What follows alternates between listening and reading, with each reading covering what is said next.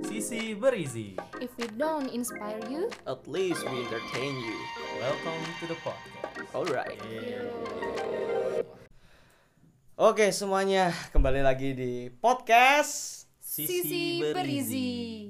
Jadi em, kita mau ngomongin ngomongin apa nih di Iya. episode Oh, kedua? Episode Iya. ini kita ngobrol-ngobrolnya bareng aku dulu aja ya. Maksudnya Oh aku boleh. yang mandu nih buat Hmm. episode Call ini me nih. gay. Ah. Oke. Jadi aku mau cerita sedikit sih. Maksudnya perjalananku sampai ke titik ini. Waduh, titik apa? Iya. titik apa Ya itu? nanti kita sampai Oh. ke sana gitu ya. Oke. aku cerita dulu jadi ya semasa kuliah maksudnya dulu tuh aku orangnya yang bener-bener suka musik Mhm. musik gitu loh kayak I can live without music ya bisa dibilang sealai itulah dulu mikirnya gitu kan. tapi ya emang gitu kenyataannya Anak emo nggak? enggak aku enggak emosi aku suka semua Iya. musik ya selama masuk di telinga enak ya aku JKT48 suka? dengerin musik JKT48 suka Buat apa berarti? Mm-mm. Ya, kata Iya iya iya iya. Saya juga buat semua jenis musik aku bisa dengar lah dengar. Nah, terus makin ke sini aku tuh mulai m- apa ya? Kalau dibilang baru nonton film enggak sih. Mhm. Dari dulu juga nonton film, cuman dari dulu kan enggak serius. Mm. Terus sekarang Nggak serius Sedalam itu. Bisa dibilang serius? Enggak, tapi menuju ke sana. menuju ke Ke keserius. keseriusan itu ya. Oke. Nah, jadi aku tuh memahami bahwa audiovisual itu lebih perpaduan yang lebih sempurna ketimbang sekedar audio atau hanya sekedar visual. Kombinasi sempurna. ya. Kombinasi sempurna. Formula yang Hmm. eh nggak ya? Mm-mm. Ibaratnya kayak selama ini kita tahu kan misalnya eh, kita dengar musik nih. Terus ada yang namanya music video. Iya. Kadang MV. untuk ah, kadang untuk menyampaikan feel dari suatu musik pun mereka masih memerlukan visual kan. Mm, mm, mm. Nah, jadi ya tetap kombinasi itu tuh benar-benar perfect lah kalau gue bilang. Terus ya nah, ini nih mulai kita masuk ke pembahasan yang menarik. Apa nih? Kita mau bahas Aku mau apa? nanya dulu deh. Ah, boleh, boleh, boleh. Bagi kalian Hmm. kalian suka film nggak? Suka. Oh, Suka, suka nonton suka film. banget dong kan gua Suka, suka nonton film. gua kan Apa anak tuh? kita kan anak komunitas film ya kan Bridge Oh, ya. iya, iya. Aduh, aku salah nanya. Aduh. Kita aku- lo sutradara ya Tan ya. Halo sutradara. Iya, lo sutradara. Nah, kebetulan nih Udah, kan udah. sebagai ya aku sih cuma anak visual iya. doang Iya, gitu ya. Tapi ketua Fotografi. komunitas foto lu. Iya. aku sih cuman fotografi ya itu tadi tapi ketua Iya. Iya, Sombong, Sombong, flexing, sombong. flexing. ya ya begitulah ya eh, nah kebetulan nih kan sebagai kalian juga anak-anak komunitas film nih Iya. bagi kalian tuh hmm, film itu apa Wah, Aduh, berat nih. berat ya. Cam Tanya dulu gimana? lah. Kayaknya cam dulu deh. Oke boleh. Jadi menurutku tuh film itu kayak apa ya bisa dianalogikan seperti artefak. wah artefak Artefak. Iya. gimana tuh maksudnya Artefak kan Artefak. suatu hal yang sangat abadi bisa diterjemahkan oleh semua orang dan itu merupakan historical gitu. sangat bersejarah. Oh misal oh, kita tahu bahwa ada film berjudul apa di tahun berapa kan misal kayak let's say Charles apa Charlie Chaplin Yeah. itu kan 1900-an and everybody know about it. Padahal kita udah sampai di tahun 2020 dan semua orang masih ngomongin Charlie Chaplin seperti apa, terus film-film zaman dulu seperti apa itu ya kayak artefak mereka Iya. abadi dan masih dibicarakan dan masih menjadi topik yang menarik Iya. untuk di diulik seperti itu. Mbak Tania seperti apa? Hmm. Kalau bagi aku mirip-mirip kayaknya sama Cam ya. Menurut aku film tuh suatu kenangan karena dari film kita bisa membuat cerita, bisa Hmm. menyampaikan pesan, nggak sekedar dari cerita doang tapi dari visualisasinya juga, Hmm. dari segala-segala aspek deh yang ada di film. Jadi sesuatu yang bisa membekas di otak, hati maupun semuanya lah. Hmm, Bisa membekas Iya, intinya kenangan. kenangan, Abadi, yoi. memori. Hmm. Iya. Seperti itu Mas Ega. Emang ada apa nih? Oh, seperti Ada apa nih? itu. Kalau tanya-tanya seperti itu apa nih? Ada apa nih, Ha? karena aku cerita kalau menurut aku nih ya Iya. aku memandang film tuh ya mungkin orang umumnya ya aku juga masih orang oh, yang awam sih ya Hmm. tentang Enggak perfilman sih, tapi ya si Bang Jago sih. aku gak jago umumnya pasti orang tuh kadang tuh suka yang cuman menganggap film tuh sekedar sebuah entertain Hiburan. hiburan gitu kayak ya itu gak salah gitu loh ya kan itu kan if we Hmm. don't Inspire you, at Ya, least at least we we entertain entertain you. Iya, Iya benar. Yang menghibur tuh gak salah maksudnya ya pulang kerja pengen butuh hiburan dengan menonton film atau sebagainya. Ya itu gak salah. Karena kan orang punya eh, apa kapasitasnya masing-masing. punya Eh, prioritas juga ya eh, masing-masing Punya prioritasnya ya, masing-masing. Mungkin dia gak punya waktu untuk mengikuti film sejauh itu bisa jadi kan. Tapi kalau bagi aku film ini lebih apa ya? Lebih dalam sih. Kayak Hmm, Hmm. Sedang- film tuh bisa mengajarkan aku tentang hidup. Oh. Oke. Film itu juga bisa apapun filmnya Eh, bisa jadi karena ya kita gak bisa bilang semua film sih karena mungkin banyak film yang bisa relate sama kita Tapi pasti semua film ada pesan hidup. pasti Iya kan. ya ya eh, eh, Iya. harusnya harusnya harusnya sih begitu tapi kan kebanyakan film juga yang sekedar ya yang nggak ada maknanya pun ya banyak Hmm. Oh, juga boleh kritis kalau kita nih. ya, Iya, gitu kalau kan. boleh Oh, dikritisi. gitu. kalau, kalau boleh dikritisi film zaman sekarang Permisi. nah film tuh juga bisa jadi alat loh alat apa Untuk- tuh alat kritik Mm-mm. alat ya macam-macam deh Mm-mm. kayak kalau yang emang Hmm. tapi nggak bisa jadi alat mancing Ah iya, alat mandi juga. bisa oh bisa mancing keributan Ah, Oh, iya. iya. Oh, iya, itu. Eh, kamu jangan salah kadang kan ada tim ini tim ini iya Kan bisa kayak- menggiring opini iya, lah iya, iya, ya kayak drakor startup itu kan memecah mancing emosi ya iya, iya, bisa alat mancing ternyata guys Iya, iya iya. salah gitu Iya. ya bagiku film tuh ya lebih dari sekedar entertain lah simpelnya gitu nah balik lagi nih kalian film yang paling kalian favoritin siapa Aduh, sih itu itu susah sih film favorit susah. Iya. karena tapi kalau dibilang yang paling membekas deh yang paling kalian ingat Wah. Wah. Tetap susah juga. tetap susah juga karena karena begini Ah, kita iya. nggak nggak bermaksud flexing ya Oh gitu. Iya, sebagai sutradara kan memang diharuskan Mm-hmm. menonton banyak film. Dan kita nggak tahu juga mana film yang terbaik, mana yang terburuk Mm-hmm. karena kita juga memilah mana yang baik. Eh, Iya. di satu film itu baiknya apa dan buruknya apa gitu. Ya, Nggak- jadi pertanyaanku nih yang paling membekas tuh maksudnya bisa aja film jelek tapi membekas di Oh, Oke, kalian gitu. oke, loh. oke. Aku Nah, ada yang aku paling ada. kalian ingat lah yang paling Hmm. memorable di otak kalian. Jadi gini, mungkin kalau aku duluan ya. Kalau film jujur kiblatku Jepang dan Korea. Oke. Ada salah satu dr- drama di Jepang itu membekas banget itu judulnya kalau nggak salah Hanakimie eh Hanakimi Hanazakari to Kimie. Hmm. Jadi itu ceritanya kayak cewek.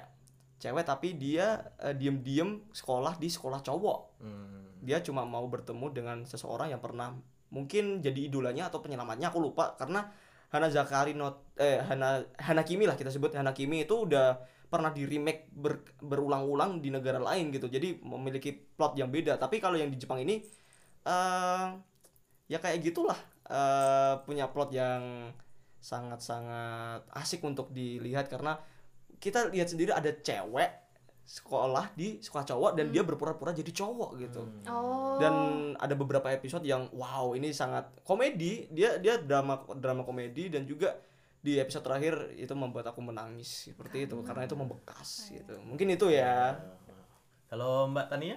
Wah, gimana? aku tuh yang membekas. Banyak sih film yang membekas, nggak ada yang satu Atau film yang baru kamu tonton deh baru-baru ini Boleh, apa yang boleh. terakhir ditonton. baru-baru ditonton. Lupa. Aduh, aduh ini loh Eh, nonton film sekat Ah, ya. itu film Iya iya, mungkin ada kalian tuh ada gak sih kalau nonton film kan kadang kita ngelihatnya tuh cuman dari sisi filmnya. Kita tahu filmnya, tapi kita gak tahu siapa yang buat. Hmm. Kalian kan nih sebagai sutradara. Mhm. Sutradara yang paling kalian suka siapa sih? Oke, mungkin untuk sekarang-sekarang ini ya, eh, mungkin bisa dibilang Taika Waititi. Taika Waititi, oke. Oke, Mm, Filmnya? Filmnya- Kalau Taika apa tuh? banyak seperti contoh Jujur Rabbit, Jojo Rabbit. Guardian of the Galaxy, Oh iya. ya, seperti itu mungkin. Ah, gimana ini? Kamu? Mbak Tania? Eh, Mbak Tania apa ini? Ah, bisik-bisik malah ini. Oke, oke, oke. Ini film Oh, kalau aku sih sutradara favoritku eh, sejauh ini karena T- eh, apa genre-genre horor tuh James Wan. Oh, James Wan, ya, Wan. ya. Itu Oke. doang sih yang me- Kenapa tadi sampai bisik-bisik? nggak ada ada ada lalat tadi di Iya. kepala Oh, dia. iya. Jadi aku kayak nyusur Eh, sih sih sih sih gitu. Ya kalau aku pribadi sih Yang nanya Eh, siapa? oh, enggak Eh, kan. Kita Oh, tanya yang dulu. kita- kita tanya, Kalau- kita tanya dulu. Kalau Bang Ega siapa Iya, Enggak, sutradara enggak ada, aku favoritnya? Iya, enggak tahu sutradara siapa.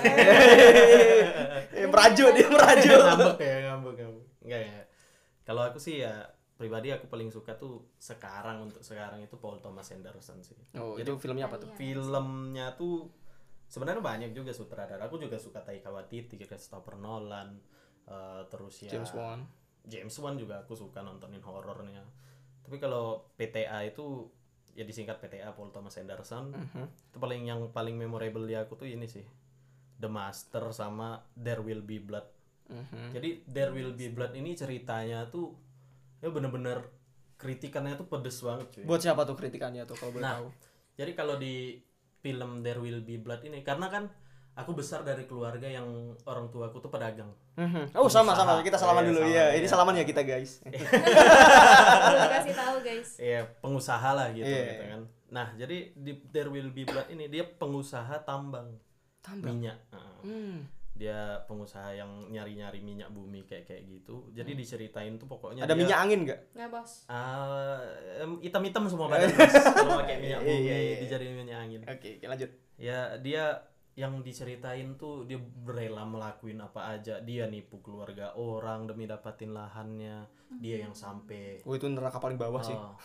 yang di saat dia dia sampai kehilangan anaknya anaknya tuh jadi karena kecelakaan waktu di lokasi itu anaknya kehilangan pendengarannya Mhm. eh ken- iya kehilangan suaranya juga Hmm. terus dia yang wak- dia kan jaya nih dia sukses Mhm. sampai banyak orang yang Konglomerat lah ngaku-ngaku, ya. mm, dia nggak banyak orang yang ngaku-ngaku jadi kerabatnya kan itu ya maksudnya apa ya relate gitulah banyak kan orang yang kayak gitu Yang- Datang kalau butuh. Heeh, di saat Hmm, iya, Yoi. kita udah tinggi aja baru "Wih, ini keluarga Iya. aku Lu kamu kan temennya temanku temennya lagi kan? Iya.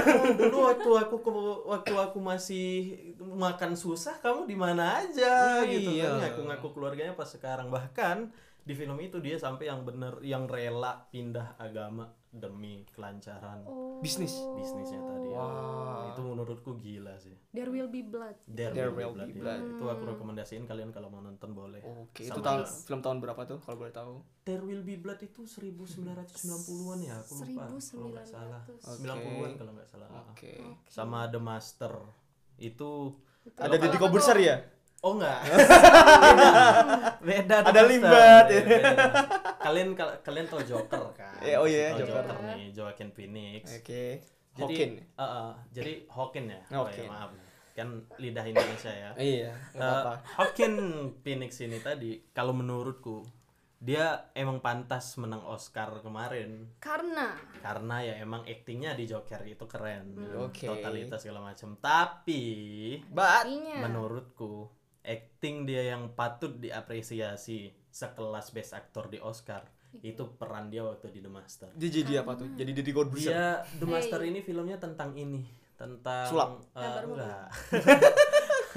tentang penyakit mental, Oke. eh, mental illness gitu.